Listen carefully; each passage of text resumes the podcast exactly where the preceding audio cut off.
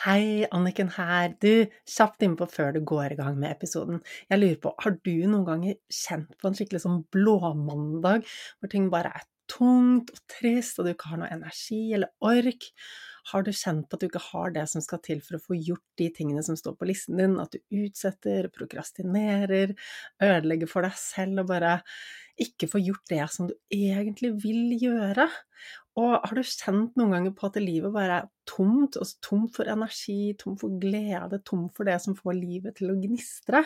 Jeg spør deg fordi dette her har jeg også kjent på, og jeg ante ikke at det faktisk var noe som jeg kunne gjøre selv. Altså faktisk hele nøkkelen til å få endret det ligger inne i meg, ligger inne i deg. Du har alt det som skal til for å få til den endringen. Denne kunnskapen finnes ikke ute i samfunnet. Burde vært pensum? Ja, absolutt. Og da jeg lærte det jeg nå kan i mentaltrening, så var det som om bare et stort lys gikk opp for meg, og endelig falt puslespillbrikkene på plass. Og jeg fikk de verktøyene og den metoden som skal til for å nummer én bygge opp motivasjonen, energien og livsgleden, og nummer to, som kanskje er enda viktigere, få det til å vare livet ut. Ja, for det er lett å bli inspirert, men hvordan få det til å vare livet ut? Og alt det her er grunnlaget for at jeg satte meg ned og brukte et helt år av livet mitt på å skrive boken Finn din superkraft, sånn at du også skal få tilgang til de verktøyene. Og det jeg har delt i boken, er ting som ikke er i podkasten. Jeg har ikke delt det på kurset mitt, ikke på sosiale medier. Så det er helt ny kunnskap, nye verktøy og nye lydspor hvis du er en av de som har gått kurs hos meg eller fått noen av lydsporene mine fra før av. I boken får du 16 helt nye lydspor som endrer på tankesettet sitt. Så det jeg skulle fortelle deg om, var at boken nå ligger ute til forhåndssalg.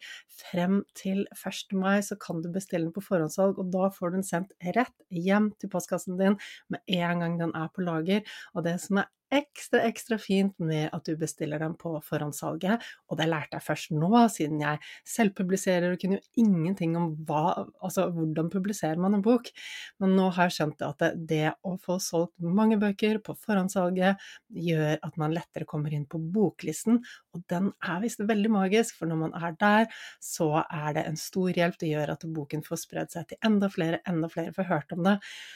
Og denne boken burde vært pensum, burde vært inne på alle skoler. Altså, hvordan hadde verden sett ut hvis alle hadde verktøykassen for å faktisk bygge opp motivasjon, drivkraft, livsglede, og bare ha det bra, få gjort det du vil, og trives med deg selv?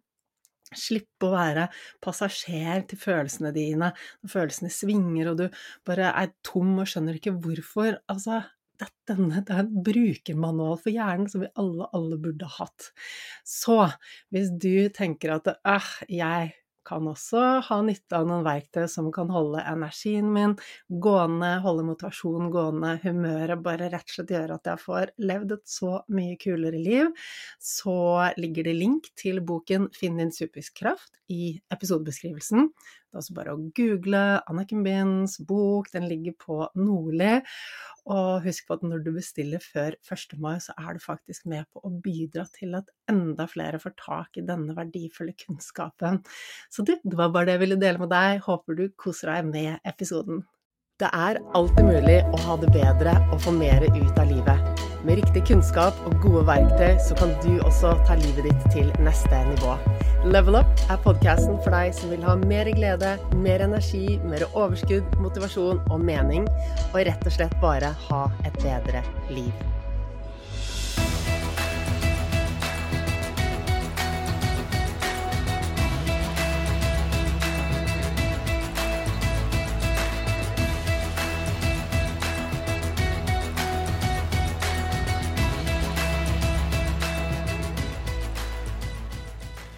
Visste du at stress faktisk er bra for deg? I hvert fall noen type stress. Og hva er egentlig intermittent living? Hva har det å si for at du skal ha god helse både fysisk og mentalt? Og hvordan jobber du med nervesystemet rett og slett for å optimalisere livet ditt, sånn at du kan ha det bra og få til mere? Vet du hva, i denne episoden så er jeg så heldig å ha med meg lege Ragnhild Skari Juel, som er i hvert fall like helsenerd som meg, om kanskje ikke mere. Hun er et orakel av kunnskap om helhetlig helse, hvordan ting henger sammen, hva du kan gjøre for at du rett og slett skal ha en kropp og et hode som fungerer bedre. Jeg vet at du kommer til å få masse ut av denne episoden. Hjertelig velkommen til Level Up, Ragnhild. Jeg er så glad for å ha deg med i dag. Og jeg syns det er superhyggelig å få lov til å komme, og jeg gleda meg veldig. For vi har jo prøvd å få snakke sammen flere ganger også, for vi er så, tror jeg, interessert i så veldig mange av de samme tingene. Så dette skal bli en, en hyggelig prat, tenker jeg. Å ja, så enig. Det har stått på listen veldig, veldig lenge. Eh, og du har jo så mye spennende kunnskap som jeg gleder meg til eh, å dele med lytterne i dag. Eh, og du, før vi dykker inn i alt det spennende, hvem er du? Hva tenker du at, du, hva tenker du at det er viktig at lytterne vet om deg? Ja, Um, takk. jeg jobber jo som lege og er eh, utdanna som uh, lege nå på ganske mange år siden. Jeg jobba nå i to tiår um, med pasienter og gjør det jo fortsatt. Eh, jeg er veldig interessert i helhetlig helse. Og også mer og mer interessert i hva vi kan gjøre for å holde oss friske. da.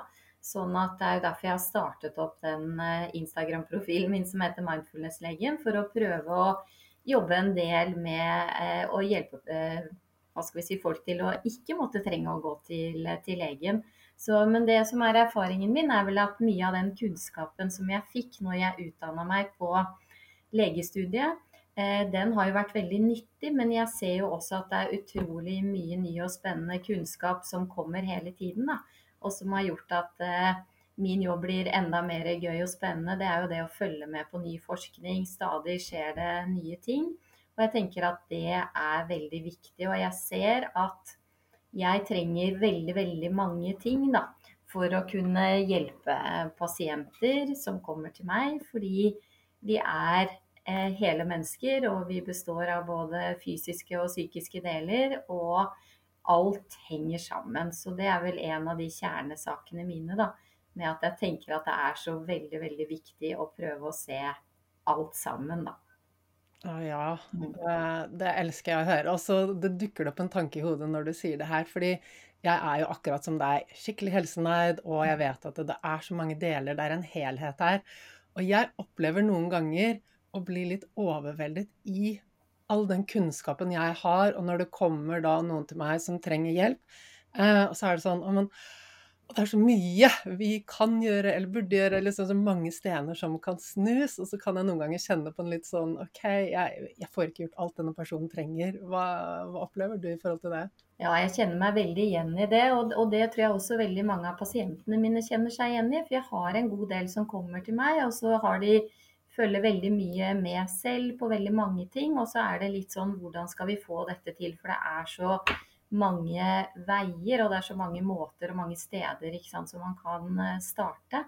Så, og det jeg har lært, er at eh, jo mer jeg lærer, jo mer skjønner jeg at det er ting jeg ikke skjønner. Så det er på en måte Det er så uendelig på en måte alle ting. Så når du liksom begynner inn på ett område, så bare er det liksom mer og mer og mer. Så jeg tenker jo at det, er en glede, men også en utfordring, det der at det er så innmari mye ny kunnskap som, som kommer. Da. Mm. Men eh, jeg tenker jo at ofte sånn sammen med i hvert fall de som kommer til meg, så har de jo ofte noen definerte symptomer som vi kan begynne å ta eh, litt eh, tak i. Og så tar jeg jo hjelp av både blodprøver, jeg bruker spyttprøver, urinprøver, altså avføringsprøver. Det er mange forskjellige varianter som jeg bruker sammen med det som pasienten har av historie. Da. Eh, og prøver å dra det sammen. Og så at vi ut ifra det sammen lager en type plan for som, hvor det på en måte er lurt å, å, starte.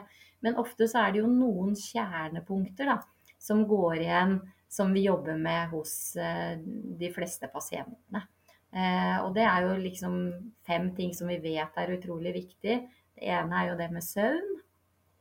Så jobber jo veldig mye med kosthold eh, og eh, faste og ikke spise. Ikke sant? Nå har det kommet så mye inn på det også. Eh, jobber jo veldig mye med stress og stressmestring. Som er kjempespennende. Snakker mye om sosiale relasjoner og fysisk aktivitet som går igjen som sånne grunnting hos veldig mange. Men så har jo jeg også interessert meg veldig mye for hormesis, ikke sant? hvordan vi kan styrke på en måte oss selv også ved å utforske positiv stress. Så det kommer også ofte inn, da. Sånn at uh, det, er, det, er, mange ting. Og så blir det litt å se hos de forskjellige. Hva er det kanskje som er din største utfordring, da. Uh, er det det med sovingen? Er det det at du er veldig ensom og sliter mye med det? Eller er det det at du har blitt så komfortabel at du sitter nesten bare inne og aldri utfordrer deg med noen ting? Så er det jo litt å gripe tak i eh, kanskje de tingene som er mest utfordrende da, for hver enkelt eh, person. Ja. Og det er fint du sier det, Ragnhild. Og det er jo sånn, ikke sant, for jeg, jeg tar meg selv i Vi går jo så lett til overveldelse, ikke sant. Alt Mm. det jeg må få gjort, og så har jeg ikke Har bare denne tiden med denne personen, eller ikke sant. Så det er sånn derre Når mengden av gjøremål vi tenker vi må få gjort, overstiger den mengden av tid vi har tilgjengelig, så går vi lett inn i overveldelse, og det er liksom Det er en sånn lett utvei. Og da er det alltid det OK, hente meg inn igjen, og så Mm. ha fokus. Og det som du sier da, det er noen sånne kjerneområder. Eh, og det er klart, vi kan ikke gjøre alt samtidig, men så er det sånn at når vi begynner med én ting, så vil jo det ha en positiv effekt på veldig mye også. Mm. Eh, og i forhold til min helsereise, altså jeg har vært helsenerd i veldig, veldig mange år, og det er så ofte jeg bare sånn Å, nå har jeg funnet ut noe skikkelig bra, jeg har fått så mye bedre helse. Og så går det noen måneder eller noe sånt, og så bare Å, enda ni ting som jeg har begynt Ja, å implementere, jeg føler meg enda bedre. Så det, det er en sånn never ending story. Ja, jo, men det er det det er. Og det der med å la seg også begeistre på en måte, da, og fascinere av nye ting, det er jo veldig gøy, liksom. Og det gir jo en veldig sånn inspirasjon inn eh, når en jobber med egentlig både seg selv og nye ting som en oppdager, samtidig som kan få lov til å jobbe sammen med pasienter om mye av, av det samme, da.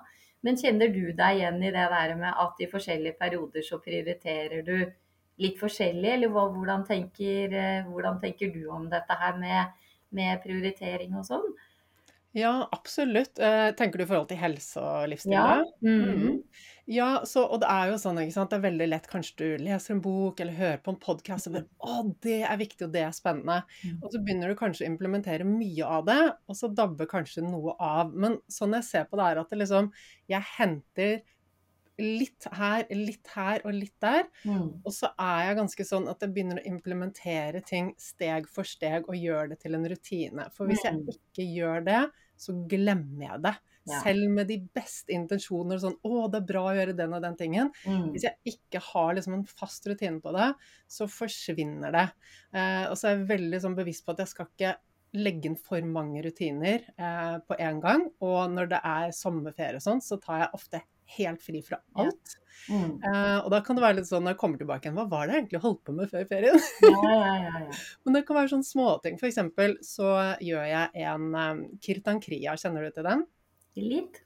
Ja, ikke sant? Det er jo en øvelse som, eh, som de har vist at det forlenger telomerene. Ja. Det var hun Elizabeth Blackburn fikk jo Nobels pris for dette. Ja, for ja, ja, ja. Um, og, og da sier forskningen du skal gjøre det to ganger i uken. Det er nok. Ikke sant? Så jeg er sånn OK, forlenge telomerer to ganger i uken. Da gjør jeg det på tirsdager og torsdager. Det er telomerdagene mine. Ja. Og da trenger jeg ikke huske på det, for jeg vet at tirsdag og torsdag, det er de dagene. Um, så, så jeg har da Tidligere så tenker jeg at jeg var mer sånn som bare ting var i perioder, og jeg ble inspirert og så dabbet av. Men nå er det sånn OK, jeg er, har et realistisk blikk på hva kan jeg faktisk putte inn nå? Det er mye Mm. som skjer med jobb, det er barn, det er liksom Mm. alle de tingene. Hva kan jeg få inn i hverdagen uten at det blir stress? Så noen øvelser som jeg, Det er en sånn øvelse som jeg gjør som, som booster progesteron, f.eks. Det gjør jeg mens jeg pusser tennene på badet Ja, ja. hver dag.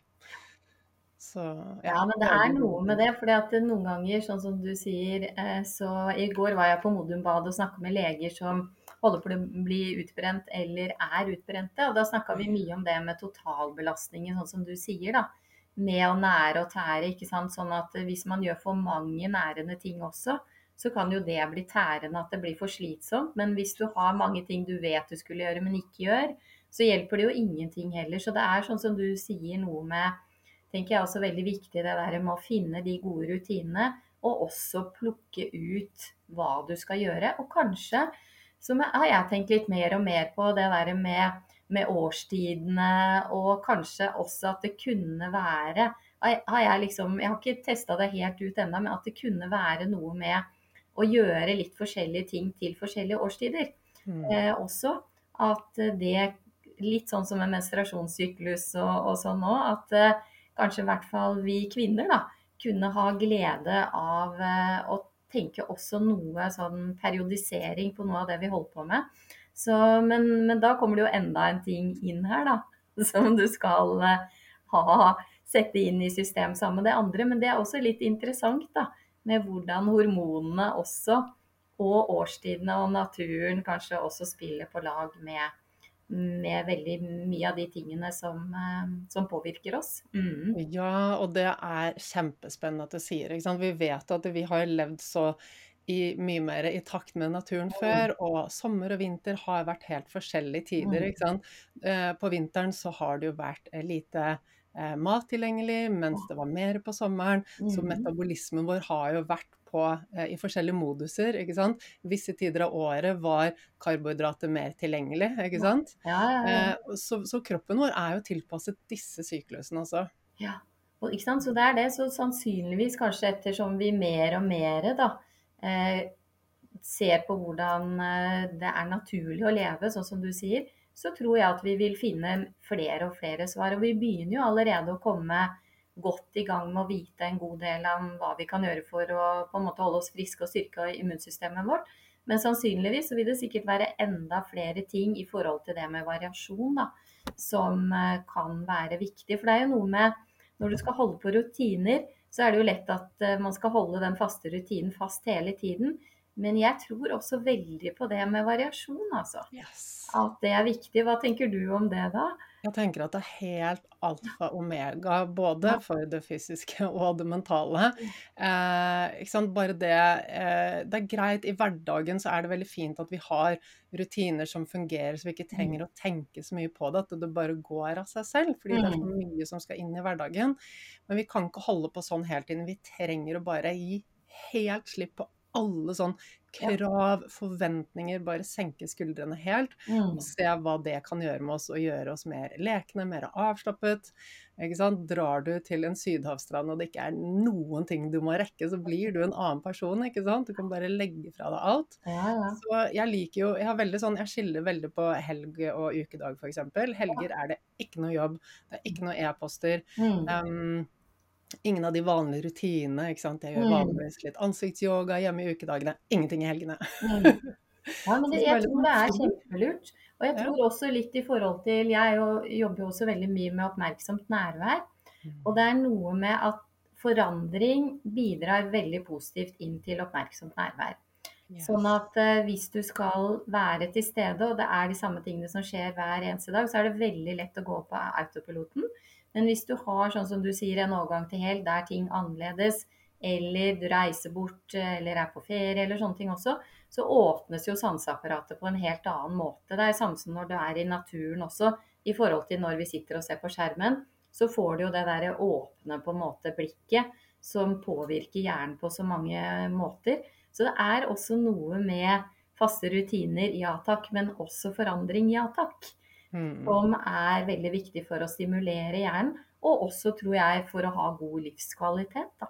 Ja. Eh, med det. Med å liksom nyte å kunne være til stede i de fine øyeblikkene som dukker opp. For det, ellers så er det så utrolig lett å være på autopilot, og så går man glipp av veldig mange fine og gode ting, da. Helt klart. Og vi ser også f.eks. når det gjelder trening, hvis vi gjør det Mm. samme hver eneste dag, så, ha, så tilpasser kroppen seg. Mm. Eh, så det å endre på det vi gjør, er jo viktig også. Og det, det bringer meg jo litt inn på et tema som jeg vet at du syns er veldig spennende, eh, og jeg også syns er veldig spennende. Og det er jo dette med eh, Ja, eh, vi har dette begrepet intermittent living, ikke sant? Og det vet jeg at du også nerder mye på, Ragnhild. Kan ikke du si litt om det? Ja, det er veldig spennende. Fordi etter eh, korona, ikke sant, eh, så ble vi jo litt oppmerksomme på det at det var jo veldig mange som ble syke, og veldig mange ble så alvorlig syke at de døde. Så det var akkurat som at vi mennesker, vi var på en måte ikke helt klare sånn eh, helsemessig til å takle korona, og, og det var ukjent for oss. Og da har det jo eh, kommet en del hypoteser og tanker rundt dette, bl.a. det med intermittent living, da, som går på at vi som mennesker har en biologi og en fysiologi som er sånn at vi på en måte i perioder skal være sultne. Vi trenger å være tørste, vi trenger å være slitne, vi trenger å være varme, kalde. Og at det faktisk aktiverer en del systemer i oss som gjør oss helsemessig sterkere. Så det som er noe av liksom tanken kanskje bak det med hva som skjedde med korona, det er jo det at vi har blitt såpass late. Vi sitter hjemme i sofaen, vi trener mindre.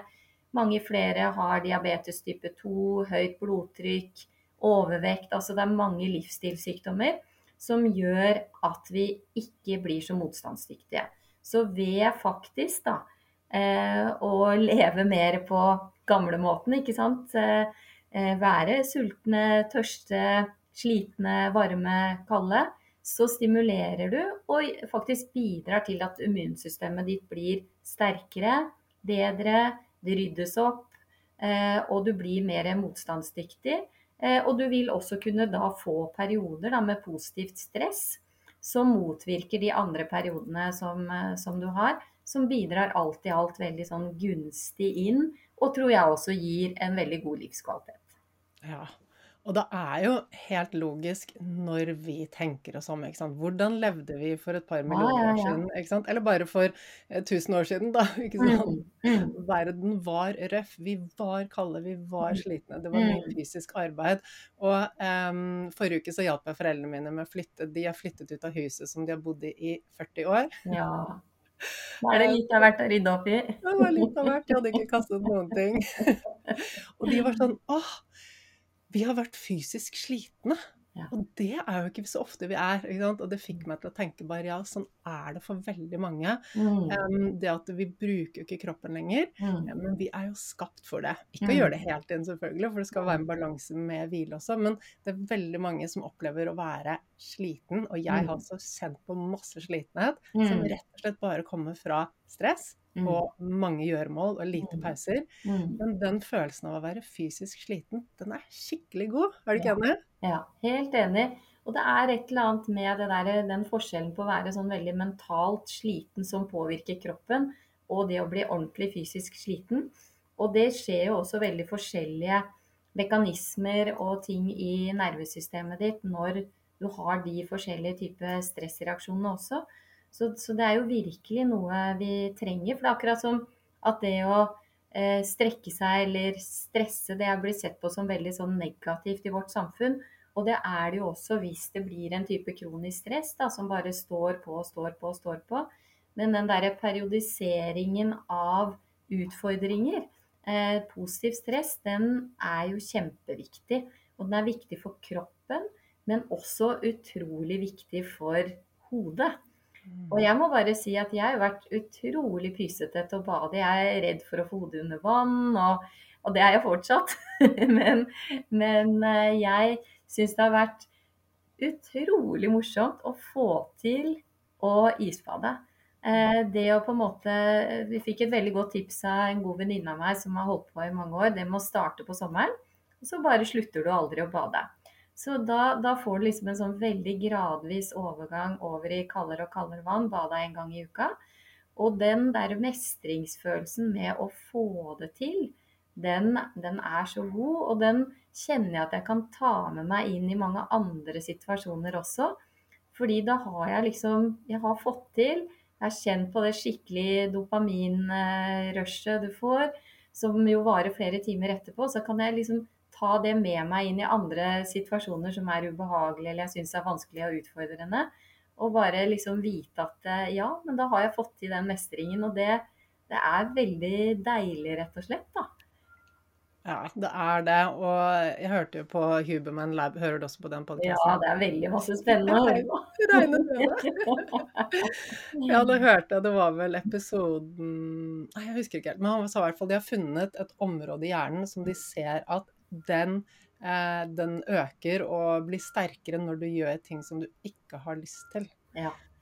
Så det som du beskriver her, det at OK, jeg har egentlig ikke lyst, dette er ubehagelig og alt det der, men det gjør at det blir lettere for deg å gjøre andre ting som er litt utfordrende etterpå. Ja, ja.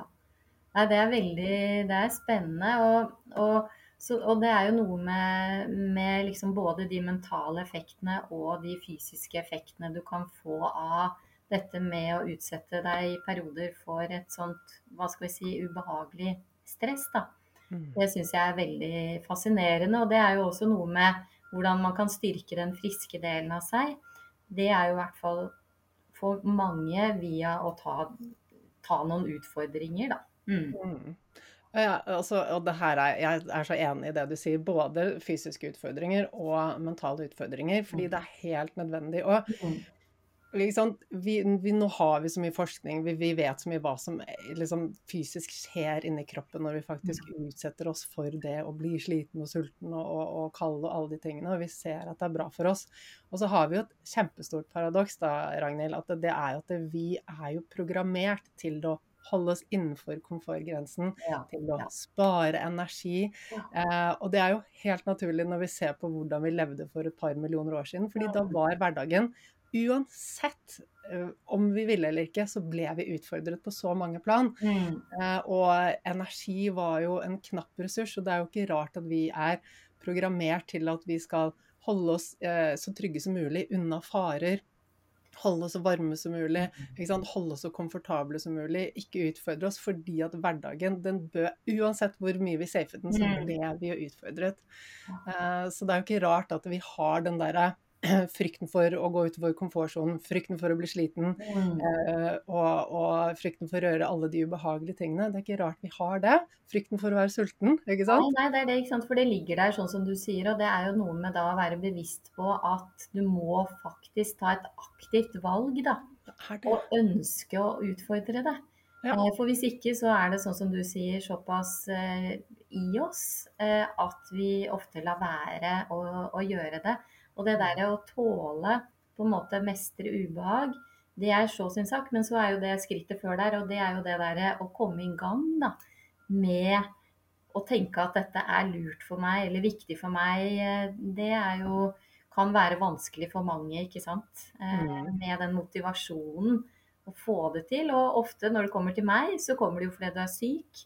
Og da er det mange som får veldig sterk motivasjon når du får lidelse i livet ditt ja. får du ofte veldig sterk motivasjon til å gjøre endringer. Men jeg tenker jo også at det med å spre kunnskap, sånn som du gjør i veldig stor grad, eh, at det er utrolig viktig å mm. spre kunnskap, sånn at man også kan forstå hvorfor det er viktig å gjøre forskjellige ting før ja. du faktisk blir syk. Da. Ja, ikke sant? Og så er jo vi mennesker litt sånn at så lenge det går greit, så går ja. det greit. Så trenger jeg ikke endre meg her. Men, men ikke sant, så her, eh, og dette her er jeg veldig opptatt av. For jeg er sånn OK, vår programmering som funket kjempe for mm. oss for to millioner, to mm. millioner, to millioner år siden, den er den samme programmeringen som gjør oss syke ja. i dag. Ja. Det at vi holder både mentalt og fysisk. Mm. Og sant, så har vi dette med dopamin, som er jo da Dette er jo da eh, hjernens uh, det er det hjernen løper etter hele tiden. De gode ja. følelsene som er dopamin. Og mm. jo raskere vi kan få tak i dopamin, jo lykkeligere tror hjernen at vi blir. Den kjappeste veien til dopamin, og dette her vet du også. Mm. Når, vi, når, du gjør ting som du må jobbe for, og så får du en belønning, mm. så vil dopaminet fungere kjempefint for deg. Fordi det som er fallgruven med dopamin, Eh, jeg håper det blir klart når jeg Bare, alt er veldig klart i hodet mitt, så noen ganger så bare så kommer alt ut. Men okay, det, som, det, som, er med dopamin, er at det, når vi får en dopaminpeak, så vil den etterpå, mest sannsynlig, med mindre vi har jobbet hardt for det, så vil den samme piken gå nedenfor det som er vårt sånn grunnivå av dopamin. Mm. Så vil den liksom gå ned i en dal etterpå. Så hvis vi eh, spiser noe salt og søt mat, så får vi liksom høy dopamintopp og så får vi en like stor dopamindal mm. Etterpå. Eh, og jeg trenger ikke gå inn på alle de mekanismene hvorfor det skjer mm. nå, men, um, men vår hjerne jakter jo på dopamin hele tiden, og den jakter på den letteste tilgjengelige formen for dopamin. Og mm. Um, og har vi lært at vi får dopamin når vi uh, ser på Netflix, eller vi shopper, eller søt og fet mat, så vil hjernen vår automatisk, helt ubevisst, styre oss mot de aktivitetene. Mm. Mm. Fallgruven er at vi føler oss enda kjipere etterpå av mm. den type dopamin. Ja. Mens dopaminet som du får, som du så godt vet, fra f.eks. isbade eller ja. gjøre, sånn, gå opp på en fjelltopp, det gjør at du får den dopaminpiken, og så holder den seg lenge, og så går den aldri nedenfor det som er grunnivået ditt. Nei, og det, det er utrolig kult å vite, rett og slett. ikke sant? Så du får ikke den dippen. Så det er jo fascinerende, og det er jo det som er gøy når man kan kombinere det man vet og merker selv nå, med ny forskning. Da. Det syns jeg er så fantastisk med akkurat det derre det, det, har jeg også lest med veldig stor interesse. Jeg syns det er skikkelig fascinerende. Og det sier jo også noe om det med biologien og leve naturlig og sånne ting. At dette har tydeligvis vært veldig viktig for menneskets evolusjon da, og overlevelse. ikke sant? Akkurat det med at vi skulle kunne tåle, sånn som du sier, kulde, varme, faste, sånne ting.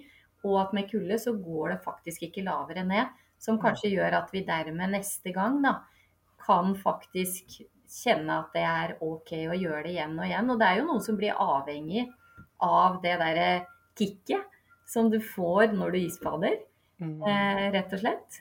Mm. Ja. Og jeg, For de her tingene visste ikke jeg før, så jeg var like god på liksom bare sjokolade eller eh, mm. Netflix eller liksom shopping, et eller annet sånn rask vei til dopamin. Mm. Og det hjalp jo ikke. Det gir sånn brøkdelen av sekund god følelse, og så er ja. du nede igjen. Mm. Men når jeg liksom ser tilbake på livet mitt, så er det sånn de lykkeligste årene er de årene som, hvor jeg var basehopper. Da bodde jeg i telt oppe i Romsdalen hele sommeren. Jeg gikk i fjellet hver eneste dag, ble sliten og sulten og var ute hele dagen med gode venner. Så var liksom relasjonen var også veldig viktig. Eh, gjorde ting som var i tråd med verdiene mine, og jeg hadde det gøy. Og jeg utfordret meg hver eneste dag. og var sånn aldri vært sterkere og lykkeligere og bare bedre form. og bare, Jeg hadde det så bra.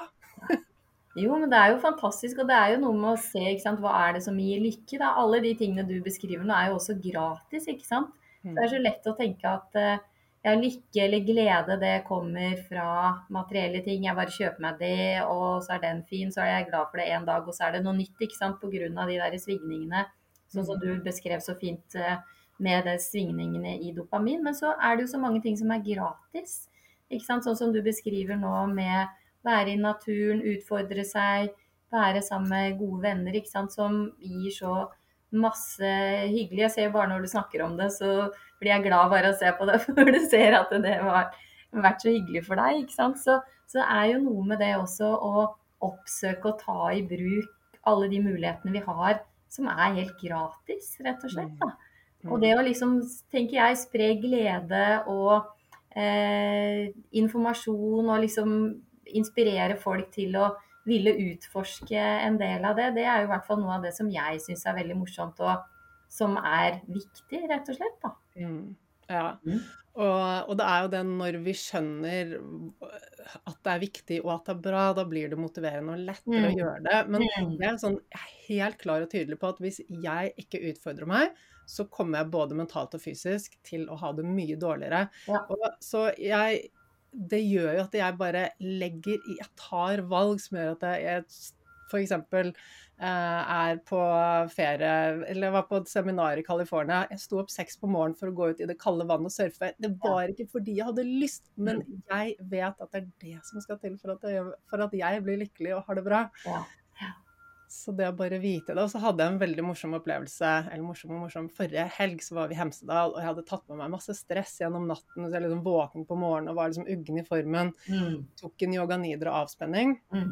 Og bare kjente fortsatt at jeg var liksom bare sånn Hele systemet var helt off. Jeg var liksom slapp og sliten og bare øh. Mm. Så dro vi ut eh, for å kjøre snowboard, og det var storm. Det var like før heisen stengte. Det blåste masse. Så vi var bare ute i halvannen time. Men den halvannen time ute i bare bånn bøtte vind, og så endte vi opp med at heisen stengte og vi måtte gå opp bakken. Mm. Kom inn og bare Jeg følte meg så bra resten av dagen. Mm. Og det er liksom bare det ut. Utfordre meg, natur, bevege meg. Og Mm. så var, og jeg opplever det så ofte. Mm. Kanskje hvis jeg liksom føler at jeg blir litt forkjølet, jeg ser det med barna mine også, så er det bare sånn ut i naturen, være ute. Og så resetter hele systemet seg. Og det er fantastisk, og det er noe med Og jeg syns også det er så utrolig gøy og spennende med alle de nye studiene som kommer også på natur, da. Som eh, Jeg er også veldig glad i naturen, og jeg er sånn som du sier, at jeg merker veldig hvor godt det gjør for meg å være i naturen. Og synes det er veldig spennende f.eks. de studiene som viser at hvis du er innlagt på sykehuset, da, så har du et rom hvor du har utsikt til naturen. Eh, Sammenligna med noen som bare ligger og ser inn i veggen, så får du mye raskere tilfriskning. Du har mindre smerter etter operasjoner. Humøret blir bedre. Du har kortere liggetid inne på sykehuset. ikke sant? Så, så det er fantastisk. Så, så det er noe med Og det tenker jeg også, det er jo sikkert fordi at vi sånn eh, Det er det som er vanlig for systemet vårt. Evolusjonsmessig så er vi jo vant til å se, se natur. Og, og samme også med at bare man går i parker, eh, sammenligna med å, å gå i gater hvor det ikke er noe grønt, så roer jo det ned blodtrykket, det roer ned kortisol, stresshormonet, ikke sant. Eh, roer også ned deler av frontallappen i hjernen som gjør at det blir mindre grubling og ruminerende tanker, negative tanker. Så, så det er utrolig ikke sant, hva, hva naturen eh, gjør med oss. da. Så, så sånn sett så, så tenker jo jeg at det der å kombinere, som du sier, utfordringer, det å være i naturen, det er superviktig. Men samtidig så ser vi jo i verden at veldig mange mennesker etter hvert lever i, i storbyer. Eh, Det blir mindre og mindre natur. Og mange er ikke kjent med naturen og effektene av det heller, og vi er ikke vant til det. Så dermed så tenker vi også at kanskje, selv om i Norge så tenker vi at vi er mye i naturen og vi er omgitt av natur, så ser vi også i Norge at det er færre som bruker naturen. De yngre, ikke sant. eh, De er mer på mobilen. Jeg så i går, var det på Dagsrevyen, med at små barn er mye mindre ute og leker. Så det er et eller annet som, som skjer ikke sant, i forhold til at vi er eh, mer og mer på det dopaminrushet som er skummelt på mobilene fra vi er helt små. Så blir man tilvendt. Og det er klart at eh, når du da ikke er vant til å være ute, eller det er vanlig for deg, og du kanskje ikke har kjent på gledene med det, så vil det være vanskeligere for deg som voksne. Eh, og da skulle prøve å begynne å gjøre masse ting som du ikke er kjent med, da, og kanskje er kjent på effektene av.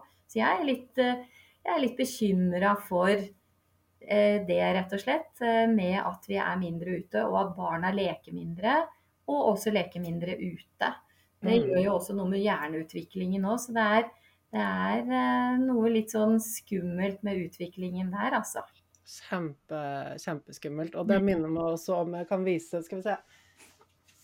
Jeg har jo den boken her, 'Barnehjernehelse'. Ja. Vet ikke om du har lest den? Nei, den har jeg ikke lest, men den har jeg sett og har på, på lista mi over uh, ting jeg har lyst til å lese. Den var kjempefin. Katrine Anker Slettholt. Um, og det hun jo skriver, som jeg ikke var klar over, men som er helt logisk, Mm. er at det, barn sin hjerne er avhengig av bevegelse for å utvikle seg riktig. Eller utvikle Mm. seg i det hele tatt. Mm. Fordi det er feedbacken gjennom nervesystemet som gjør at hjernen utvikler seg.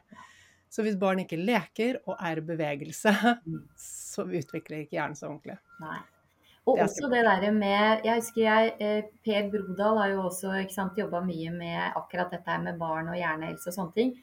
Og han var jo veldig opptatt av det med å bruke hender.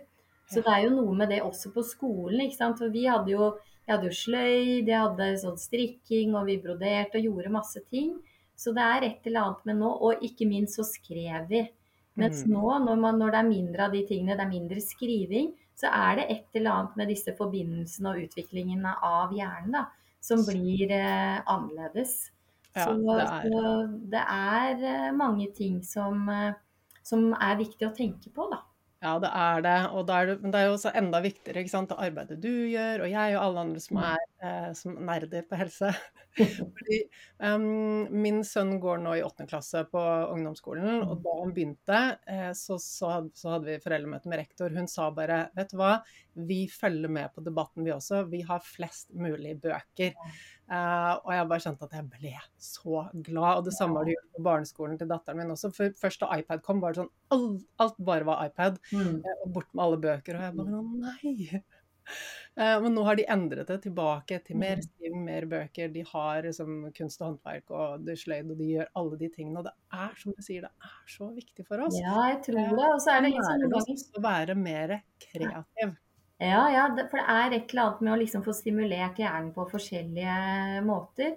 Og også vet man jo mye fra forskning at ting som du har gjort mange ganger når du er yngre, mat du har smakt på mange ganger, vaner du har med deg fra du er yngre, det vil gjøre at det er så utrolig mye mer sannsynlig da, at du bruker de tingene når du blir eh, større. Men hvis du ikke har prøvd, du har bare spist akkurat det og det, eller gjort sånn og sånn, så vil det være for det første mange mindre synapser og mindre utvikling i hjernen din, men også veldig mye mindre sannsynlig da, at du selv eh, bruker noe av det, det videre. Så derfor så er det jo å pøse på med egentlig mange ting, men kanskje også istedenfor at alt skal være så styrt, så er det jo noe med den naturlige leken og det å oppsøke ting, kjede seg, som jeg husker jeg gjorde en god del.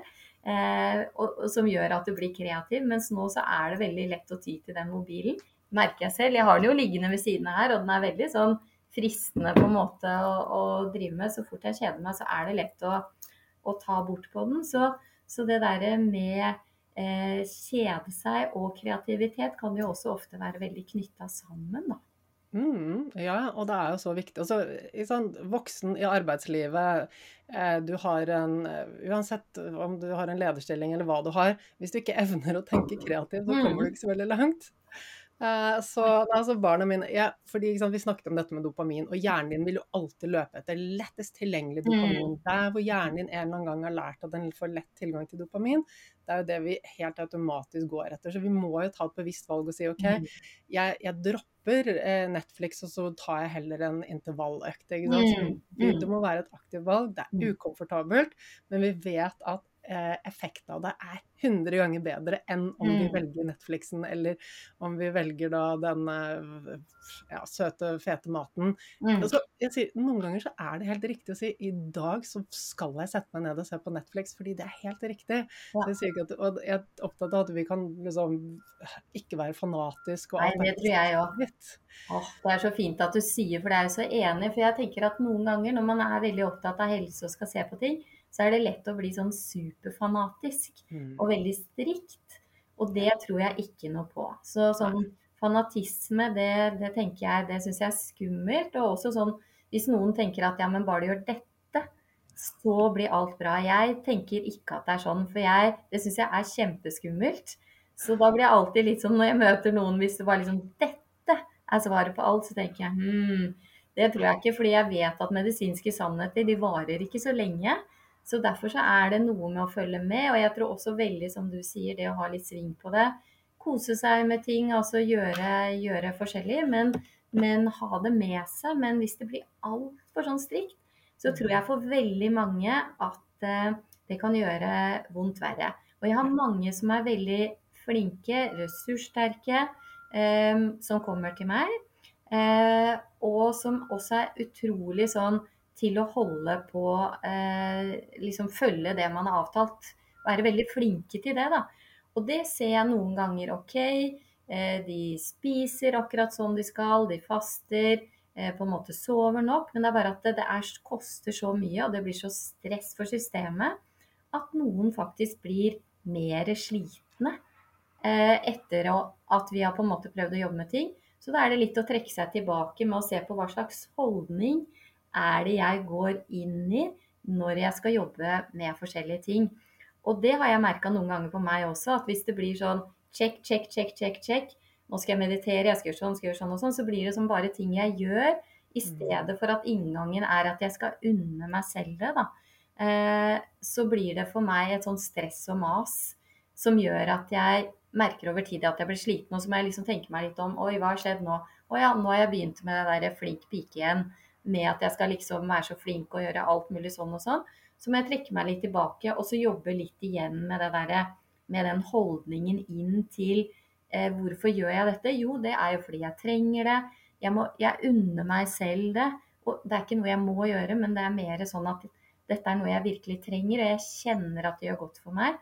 Så er det akkurat som da, når jeg slapper av litt mer med det, så, så blir det helt annerledes. Da. Jeg vet ikke om du kjenner deg igjen i det. Du er jo også interessert i veldig mange ting.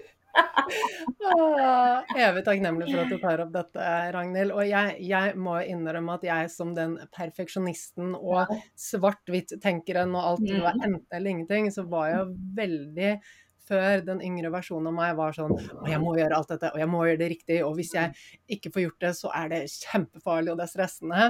Um, og det her henger jo sammen med lav selvfølelse. Mm.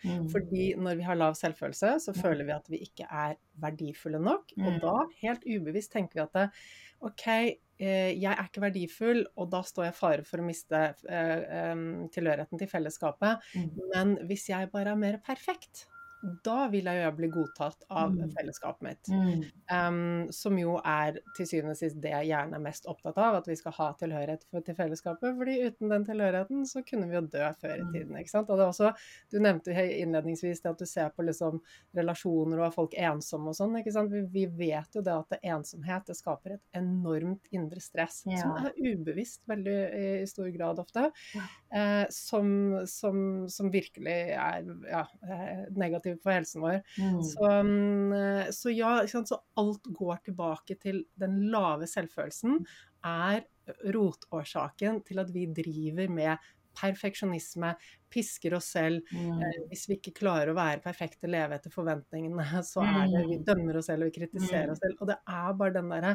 hjernen vår som jobber desperat for at vi skal overleve, rett og slett. Fordi den tenker at hvis du bare er mer perfekt, hvis jeg pisker deg til å bli mer perfekt og mm. prestere bedre, da vil du være trygg. Mm. Så det er bare en overlevelsesmekanisme, så jeg var sånn før. ja, ja, ja. Det, og det er så lett å falle dit. Og i går også når jeg var på Modum, så snakka vi mye om det med verdier. ikke sant? Og hvis man da har et sånn sett med verdier da, med seg, med at du skal være snill og flink, skal i hvert fall ikke være lat eller sitte på sofaen og, og sånn, så, så, er det noe med sånn som du sier, at alle de tingene som du har, som du sier til deg selv for at du liksom skal være bra nok hele tiden, da, de blir kjørende og gå, så blir det jo veldig, veldig strevsomt å være strevsomt å være menneske, rett og slett. Da. Og, mm. og, selvfølelsen, sånn som du sier, som ligger der, den er dårlig i bunnen, ikke sant. Og så prøver man å kompensere, og så blir det, blir det så vanskelig. Mm. Ja. Og jeg syns det er veldig fint at du jobber på denne måten med dine eh, pasienter. fordi at sant, forskjellen sant, Det du sier, du, du, prøver å få det til å være noe de vil gjøre, istedenfor noe de pusher seg til å mm. gjøre. Mm. Og vi vet at viljestyrke er enormt kostbart. Og så er det sånn, Vi merker det egentlig ikke, men når vi må bruke viljestyrke for å få gjort ting, og når det er fryktstyrt, ikke sant? styrt ut ifra at hvis jeg ikke gjør det, så får jeg dårlig helse, eller hvis jeg ikke gjør det her, så er jeg ikke perfekt nok, hvis jeg ikke mm. gjør det her, så lever jeg ikke opp til mine perfekte forventninger om at jeg skal ha sånn og sånn morgenrutine, og så skal jeg gjøre Altså, vi, vi kan jo altså fylle hele dagen vår med rutiner ja. som skal være bra for helsen, men det blir jo ikke bra. Mm. Mm. Så um, ja, jeg syns det er fint at du, du, eh, tar opp dette, fordi at det, når vi bruker den må, burde, skulle, mm. så det, oppleves det som tvang. Og alt som oppleves som tvang, det, er, det skaper indre stress, og det mm. ødelegger motivasjonen. Mm alt som handler om viljestyrke. Jeg må og pushe meg selv til å gjøre noe. Det er enormt energikrevende. Men når, som du sier da, istedenfor når, når du tapper inn i OK, hva er det dette gir meg, hvorfor er det mm. viktig for meg, mm. hekter du på verdiene, så mm. blir det positivt motivert. Altså da er det en positiv kraft som driver oss til å gjøre det. Da blir det lett som en lek. Ja. Og det er noe med det, og det der er så viktig. Og jeg tenker så mange ganger med når jeg leser så mye om alle ting som er sunt og sånn og sånn og sånn, så skjønner jeg jo at for veldig mange så kan det bli en veldig sånn plikt, eller man er redd kanskje for å bli syk, rett og slett, eller man er syk. Og, og så i tillegg så blir det så veldig mange ting som du på en måte bør, sånn som du sier, gjøre, da. Eh, og, og, den derre lille switchen der, som er så viktig, det som du prater om nå, det syns jeg er så fascinerende med veldig mye av det du jobber med, da, hvor du er veldig sånn inn på å jobbe med den mentale. Og, og, det er jo egentlig en veldig liten switch, men den betyr så enormt mye i forhold til hvilken påvirkning det, det gir deg både mentalt og kroppslig. da, i forhold til, til, det, sånn at i stedet for at det bidrar til mer stress, så kan du få de gode effektene ut av uh, faktisk det du gjør. da. Og Det er derfor jeg syns også det med oppmerksomt nærvær er så utrolig interessant. Fordi det å jobbe med oppmerksomt nærvær handler jo mye om å trene hjernen på å være på samme sted som kroppen. Og for å kunne ta de switchene og det som du prater om, så må du jo på en måte være bevisst, og du må være oppmerksom på hva som skjer i deg. Eh, sånn at du kan rett og slett med et lite switch da, gjøre, ta et valg eller gjøre noe helt annerledes. Eh, og jeg tenker at for veldig mange så er vi veldig ubevisste, og særlig når vi er mye på autopilot og mange av oss har veldig mye å gjøre, og kanskje få mange oppgaver da, som du skal gjøre for å holde deg frisk, så er det veldig lett at man på en måte ikke er egentlig i det du gjør, men du er allerede på vei til det neste. Sånn at når jeg trener f.eks., da, så tenker jeg bare på middagen jeg skal lage etterpå, eller etterpå når jeg sitter i middagen og, og egentlig skal ha det veldig koselig, så tenker jeg på noe som skjedde på jobben i stad, liksom. Sånn at hjernen og nervesystemet ditt blir på en måte litt sånn fucka opp, for det skjønner ikke hva du skal gjøre. Fordi du er et sted, og så holder, tenker du på helt noe annet. Så, så, derfor så tenker jeg at det er en sånn skikkelig gull, det der med bevisstheten din og det oppmerksomme nærværet.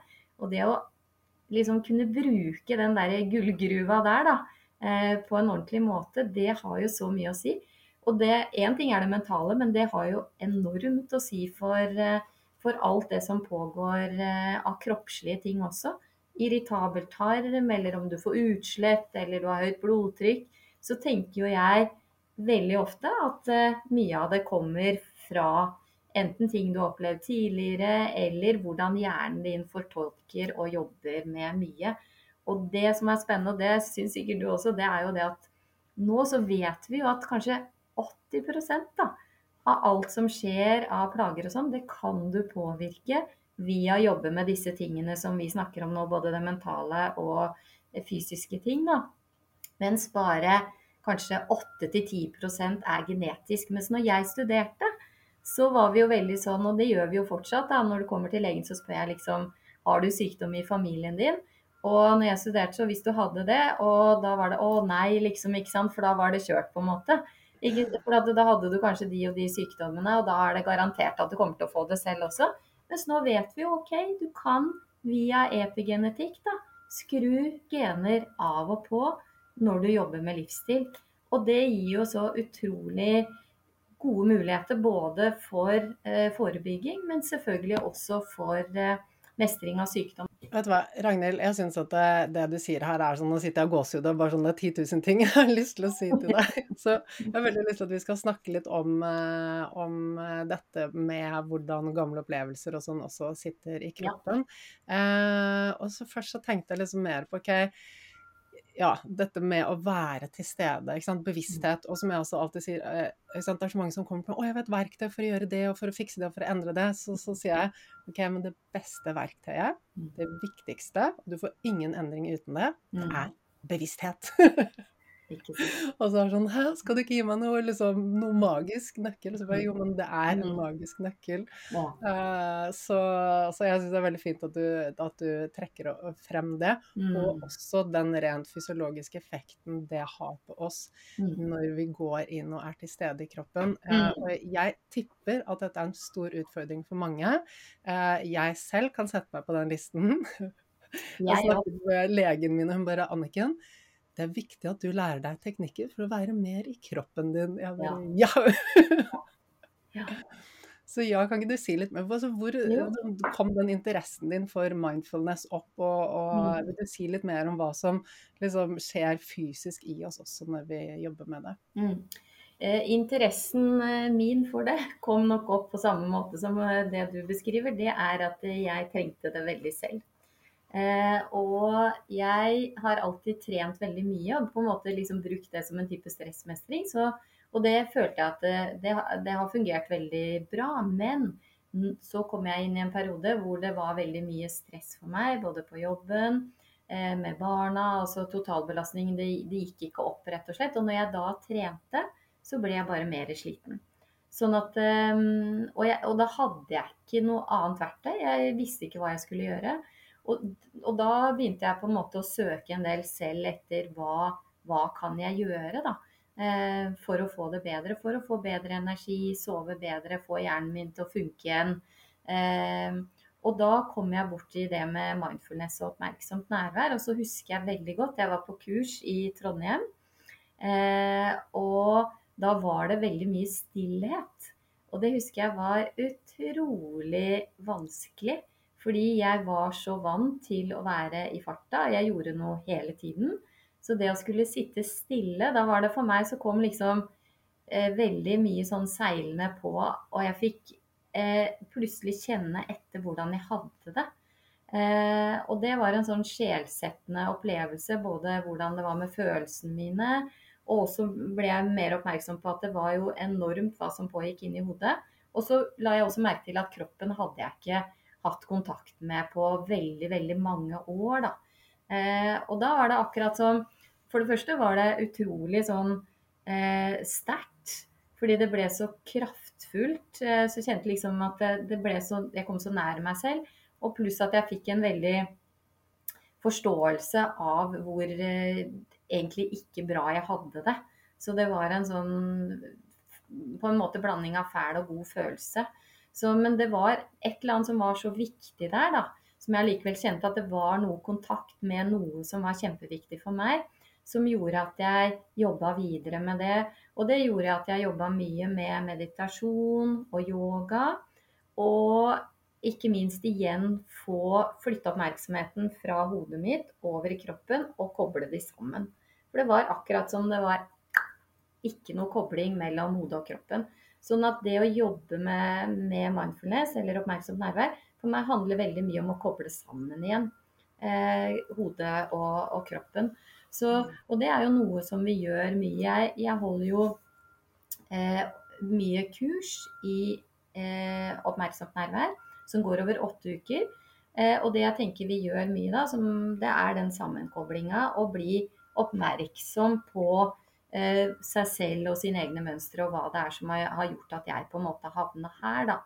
Og det første vi begynner med, er mye å snakke om autopilot. Som handler mye om å være enten i fortid eller fremtid, at hjernen er et annet sted enn kroppen. Og så, med utgangspunkt i det, gå videre til å trene på å få kontakt med kroppen igjen. Så noe av de første øvelsene vi pleier å begynne med, det er avspenning, bodyscan, hvor du trener hjernen din på å flytte seg rundt i kroppen for rett og slett å gjenoppdage, gjenopprette forbindelsen mellom hodet og kroppen. Det er så mye viktigere enn vi tror. For kroppen er helt fantastisk. Den er et barometer som kan si fram så mye. Men når det slutter her og forbindelsen er brutt, så mister vi jo den kontakten. Du kjenner ikke at skuldrene dine er høye lenger. Du setter ikke på en måte rumling eller den irriterte tarmen sammen med noe annet.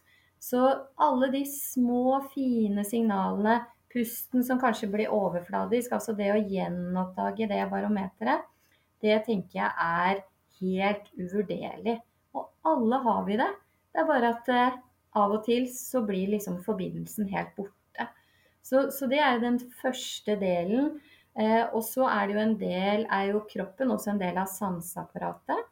Så det å eh, høre, det å smake, tygge maten, lukte, legge merke til, se gode ting. Bruke sanseapparatet med å klemme f.eks det vil også være en del av det oppmerksomme nærværet og det å knytte sammen hjernen og kroppen igjen, da. Eh, og så via det så er det jo igjen å jobbe med hva er det som gjør at jeg er her, hva er det som gjør meg så stressa, hva ligger i min historie, hva ligger i mine verdier, hvilke sayings er det jeg har inni hodet mitt som vi var litt inne på i stad. Det å, å, bli bevisst, da, rett og slett hva som er pågående, det er veldig fascinerende, og det var det for meg også. Det å bli klar over de der sayingsene, de der som jeg har i hodet med f.eks. ikke være lat. Det er liksom noe av det verste, det å ligge på sofaen eller og liksom late seg, på en måte. Og du, kan jeg spørre deg, hvor kommer det fra, Ragnhild? Det kom fra min familie. Ja. Så vi har en veldig sånn familie hvor vi prater veldig mye sammen. Og så er det noe med at også veldig arbeidsom familie. Hvor mm. eh, noe av det som var veldig viktig, det var å rett og slett eh, være aktiv, da. Stå på, bidra inn til samfunnet, hjelpe andre. Eh, så den, den der, den den, den, den, merker jeg stadig også er der litt, selv om jeg har jobba med den. Så sitter den litt sånn av og til og prikker litt. Og de fleste av oss, vi har jo sånne som ligger tilbake ikke sant, i, i dagliglivet vårt. da. Eh, mm. som rett og slett har hekta seg på eh, fra oppveksten. Ja, og det er eh, ja, dette jobber jeg mye med, ja. Eh, med mine klienter også. Og det er veldig ofte så Nå er vi litt sånn type vi, det har litt med kultur og samfunn å gjøre også, ja. Der, ikke sant? Um, men veldig ofte så har vi hørt det hjemme. Mm. Uh, og det jeg også ser hos mange når jeg går inn og bruker hypnose, uh, og så har jeg lydspor også som jeg gir til, uh, til klientene mine i medlemskap og sånn, og da har vi jobbet mye med akkurat dette. Ja. Hva er årsaken til at du er redd for å ta en pause da, og hvile? og da kommer det ofte frem historier, for hjernen skal beskytte oss. Mm. Og da kommer det fram historier, f.eks. La oss si at det, dette er bare et eksempel, men liksom, eh, eh, det har vært mange lignende historier. Mm. Eh, at det er en, en, en, forelder som er syk over en periode. Så sier den andre forelderen nå er det viktig at du bidrar, sånn at mm. mamma eller pappa kan slappe av. ikke mm. sant? Som er helt uskyldig ting å si. Ja, ja, ja. Men for en barnehjerne så kan det fort oversettes til OK, mamma og pappa er syk, og det er den største trusselen for et mm. barn, fordi det er foreldrene som skal passe på barna. Mm. Og hvis en forelder er syk, da betyr det at det, eh, da, er, da, står jeg selv i livsfare, hvis det skjer mm. noe med den forelderen. Så da er det at jeg ikke hviler, det at jeg faktisk står på og gjør noe, er helt nødvendig for min overlevelse. Mm. Og hvis vi har lært noe sånn i barndommen en eller annen gang, og vi bare skal tvinge oss til å legge oss ned og slappe av, så blir det, e, det blir enormt stressende for systemet. Ja. Og det er så viktig, og jeg tenker det der med sånn som du sier, sånn som du jobber med å anerkjenne det, det jeg tror det er så helt essensielt. Fordi det er så lett å se symptomene og de plagene man har nå som isolerte ting. Men vi vet jo sant, at ting henger sammen, og det er gjort masse forskning på det som heter sånn Adult Childhood Experiences, som viser sant, hvordan, sånn som du sier, det vi har opplevd, det vi har hørt, og ikke minst hvordan vi har tolka det, som kan kanskje være helt annerledes enn det det var ment. Hvordan det preger oss som voksne. Så jeg tenker at noe av det viktigste jeg gjør eh, med pasientene som kommer til meg, er å bruke veldig god tid på en sånn livslinje. Eh, hvor vi også går helt tilbake og snakker om, sånn som du sier, de tingene. Men det er veldig spennende at du bruker hypnose. For det er jo ikke alltid at man klarer å få fram eh, Eh, de, eh, de, som ligger der, eller hva tenker du om det? For noen, er, noen ganger kan jo det være litt sånn ubevisst, eh, de tingene man faktisk har med seg, da. Så når jeg jobber én til én, så kommer vi mm. alltid til kjernen av det. Alltid, og mm. det vi da gjør, er jo, sant, som du nå var inne på, det er den betydningen vi har lagt i en hendelse. Mm. Det eksempelet jeg kom med i sted, hvis en sier, foreldre sier når det er viktig at du bidrar sånn at mamma eller pappa kan slappe av og bli frisk eh, som egentlig bare er en bagatell. Og det betyr jo ikke noe, men den betydningen barnehjernen legger i det, den kan vi da omprogrammere når vi jobber én til én. Um, så, eh, så, sånn kan vi få løst opp i traumer, altså traumer med stor T og liten T, og alle de mm. gamle tingene. De kan vi løse opp med å bare gå inn, enten med lydspor som jeg har laget som er litt mer generelle i medlemskap og kurs og sånn, eller når jeg jobber én til én, hvor, eh, hvor, vi bare går tilbake. Okay, hva er årsaken til at jeg har den utfordringen? Og så da kommer svaret fra underbevisstheten. Ja. Og så får man da muligheten til å endre Jeg sier at vi liksom endrer de brillene vi har på oss. Ja. Måten du ser på det, Hvilken betydning la du i at du måtte hjelpe til hjemme, hvis ikke så ble ikke mamma og pappa eller frisk? Hva betyr det egentlig?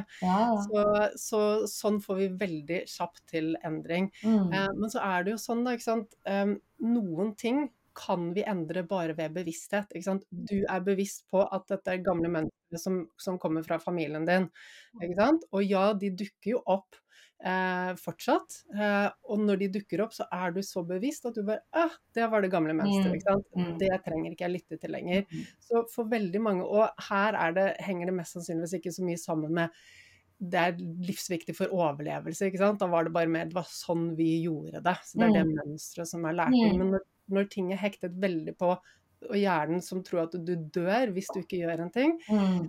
da, da er, blir det et mye større traume, og da, det, da trenger vi ofte å gå inn og jobbe mer i dybden hypnose. Men ting som er sånn lettere vaner, da, Mm.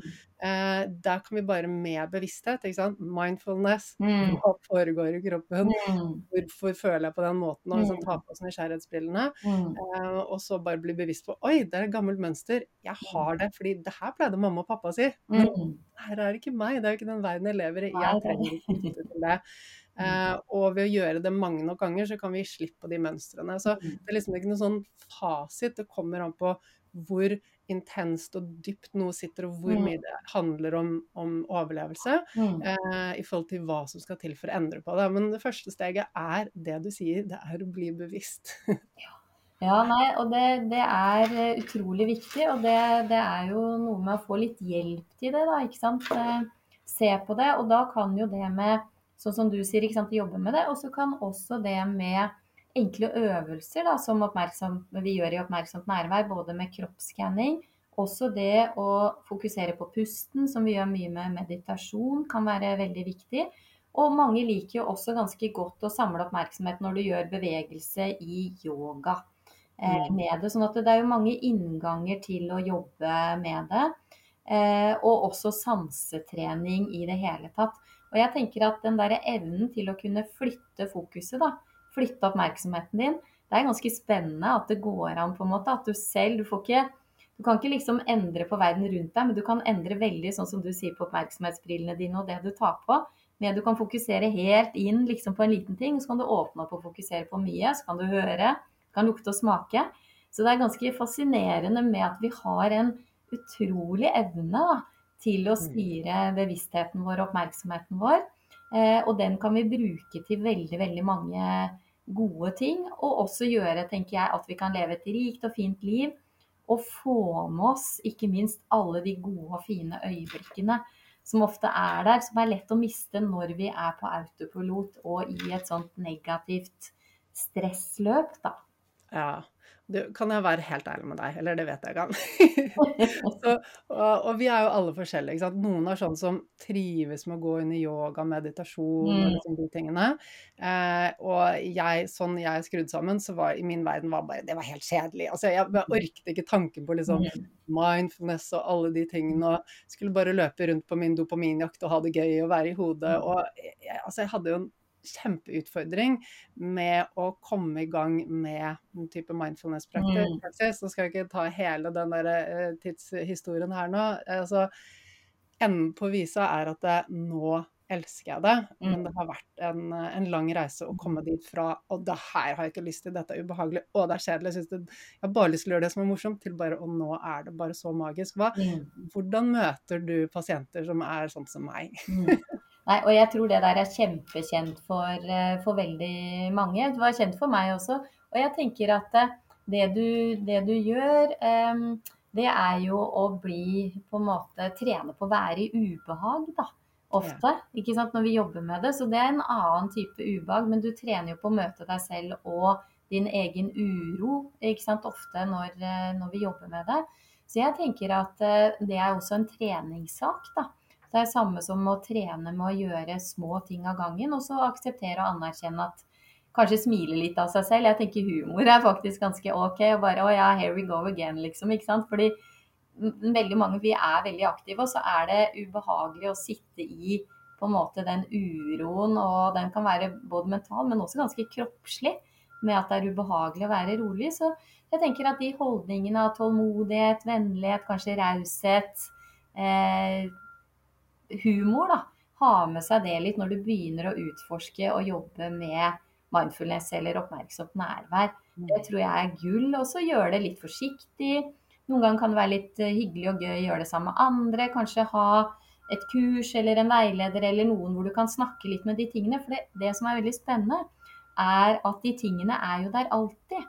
Men ofte så avleder vi de ikke sant, med å gjøre noe. Så, så jeg tenker at eh, det er jo sånn som du har merka, og jeg også, med at jeg har blitt kjent med en del av den uroen av det. Eh, og så merker jeg at jeg trenger ikke alltid agere på det. da. Jeg kan også tolerere at det er der, som gjør at jeg kan sette ned farten. Selv om jeg har en del uro, stress og ubehag i meg, så har jeg på en måte trent meg på å tolerere og liksom bli litt flinkere til å håndtere det, rett og slett. da, Med det. Så det er vel Men kanskje litt av gangen. Litt mikrodoser, jobbe med ting i, i, i, sammen med andre. Være litt nysgjerrig, utforskende. Men også trene faktisk mye på å være i ubehag. Ja. Åh, bra. Og det er det ubehaget vi er så redd for, men til syvende og sist er det det vi trenger for å ha god helse. Ikke sant? Så det blir jo litt det samme som med intermittent living og sånn også. Utforske kulde, eller altså utforsker ting. Utforsker litt ubehaget, uroen i deg selv, da. Ja.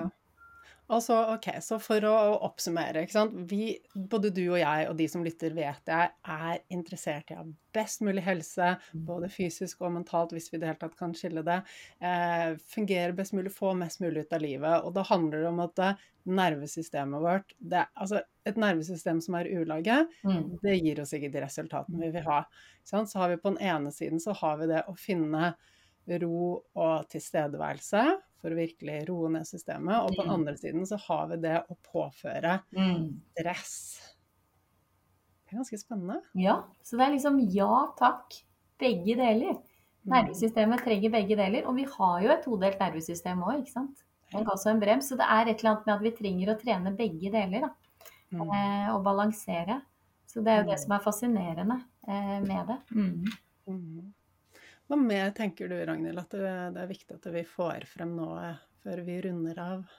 Eh, kanskje det at bevisstheten er gull, rett og slett. At eh, det at du faktisk har en bevissthet, du kan trene bevisstheten din, det er gull verdt. Og det kan hjelpe deg både på en måte til å få litt oversikt over hva som er pågående, men også til å kunne skifte da eh, nervesystemet ditt over fra stress til ro, og fra ro til stress. Eh, når du trenger det. For vi trenger jo begge delene. Så, og det kan du gjøre med eh, mange forskjellige ting, men bl.a. med å trene oppmerksomt nærvær med meditasjon, yoga, bruke sansene dine, være i naturen også, som er fine måter og innganger til det med, med bevissthet. Da.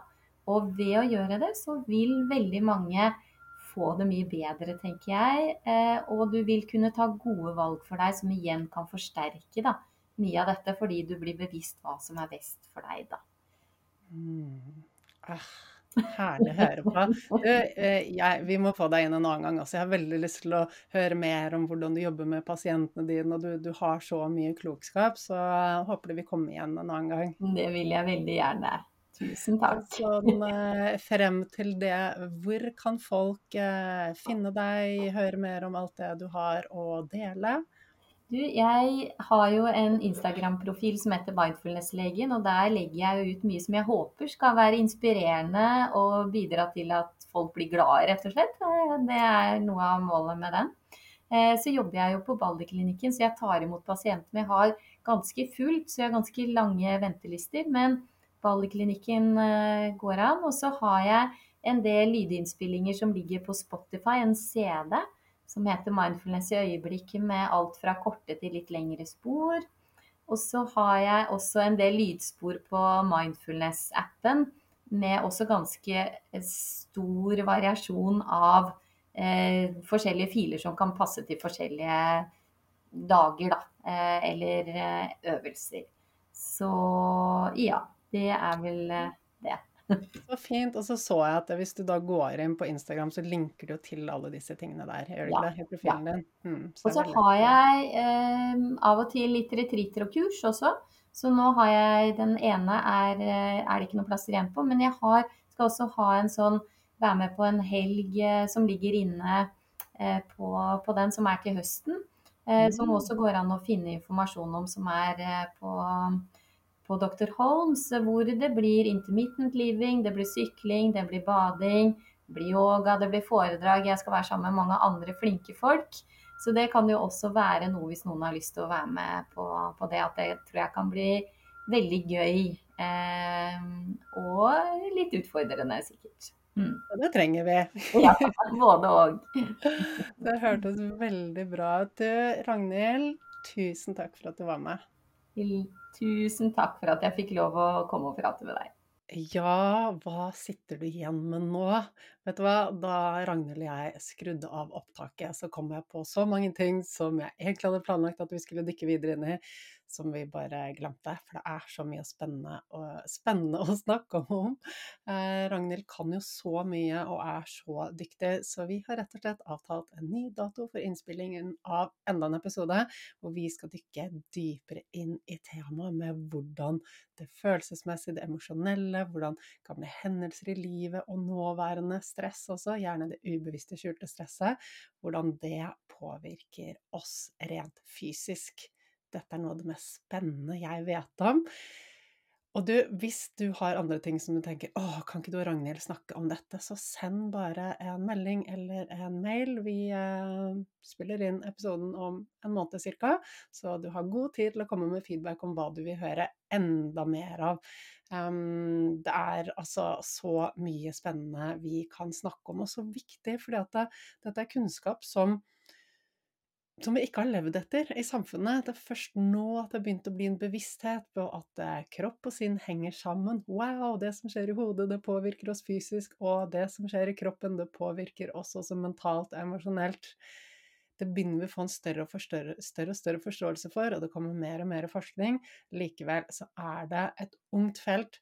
Likevel så er det så mange deler av samfunnet som skiller kropp og sinn, eh, og som ikke tar inn over seg det at når vi har kroppslige plager, så kan det veldig ofte handle om det emosjonelle.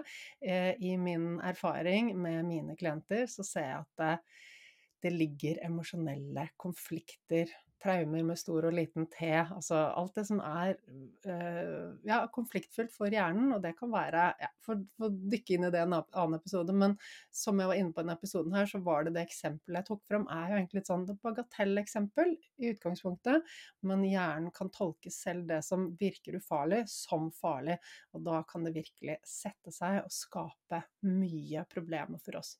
Eh, og som Ragnhild også var inne på, så er det eh, Før så trodde vi at eh, alt ble bestemt av genene, og nå vet vi at 80% bestemmes av livsstil.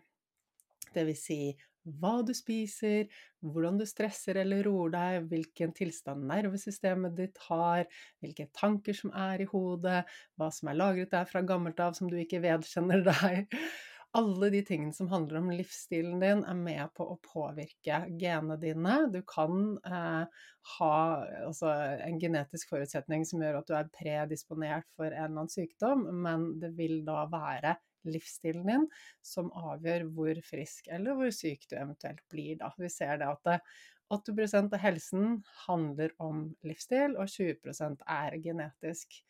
Eh, og dette er et område som ja, jeg tror Ragnhild er for får spille inn flere episoder, for det dukker, dukker, opp så masse spennende som vi kan snakke om. Um, uansett, tagg oss i sosiale medier, del med oss hva du synes om episoden, hva du har lyst til å lære mer om.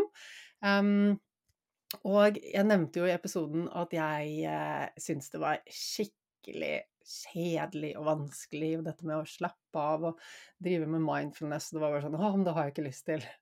Men jeg kom til et punkt i livet mitt hvor jeg trengte det fordi jeg var helt utslitt. Og jeg, liksom, jeg klarte ikke dette med meditasjon, liksom, alle de greiene Syns jeg var veldig utfordrende, men jeg oppdaget det som heter yoga nidra, som er en avspenningsform som ikke krever noe. Du trenger ikke fokusere, du trenger ikke konsentrere deg, du lukker bare øynene, du kan gjøre det sittende eller liggende, og så lytter du til et lydspor. Og da jeg oppdaget den formen for avspenning, så fikk jeg den roen jeg trengte til kroppen min. Og jeg har selvfølgelig i ettertid tok jeg yoga nidra, instruktørutdanning, og dykket dypt inn i dette feltet. Eh, det er så stort potensial for hva vi kan få til når vi begynner å bruke sånne teknikker. Yoga nidra det er med på å bygge opp dopaminlagrene dine. Det kan erstatte søvn. Ti minutter med yoga nidra kan erstatte én time med søvn. Så det er bare det beste verktøyet jeg har kommet over for å optimalisere helsen min. Jeg har spilt inn et eget lydspor. Hvis du ikke har prøvd ennå, så anbefaler jeg deg å gjøre det. Du kan laste det ned på annikenvinst.com skråstrek yoganidra, N-I-D-R-A, eh, og del med meg hva du synes om det. De av dere som driver eh, med pulsmålere, sender meg ofte bilder av eh, hvordan dere går i blått når dere lytter til lydsporet.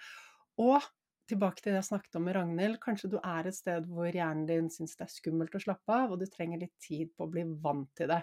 Så da kan det godt hende at de første gangene du lytter til et sånt lydspor, at du ikke nødvendigvis går i så dyp hvile, men at det tar litt øvelse å komme dit. Det er uansett det både du og jeg og vi alle trenger for å prestere enda bedre og ha det enda bedre. Vi trenger et nervesystem som er i balanse.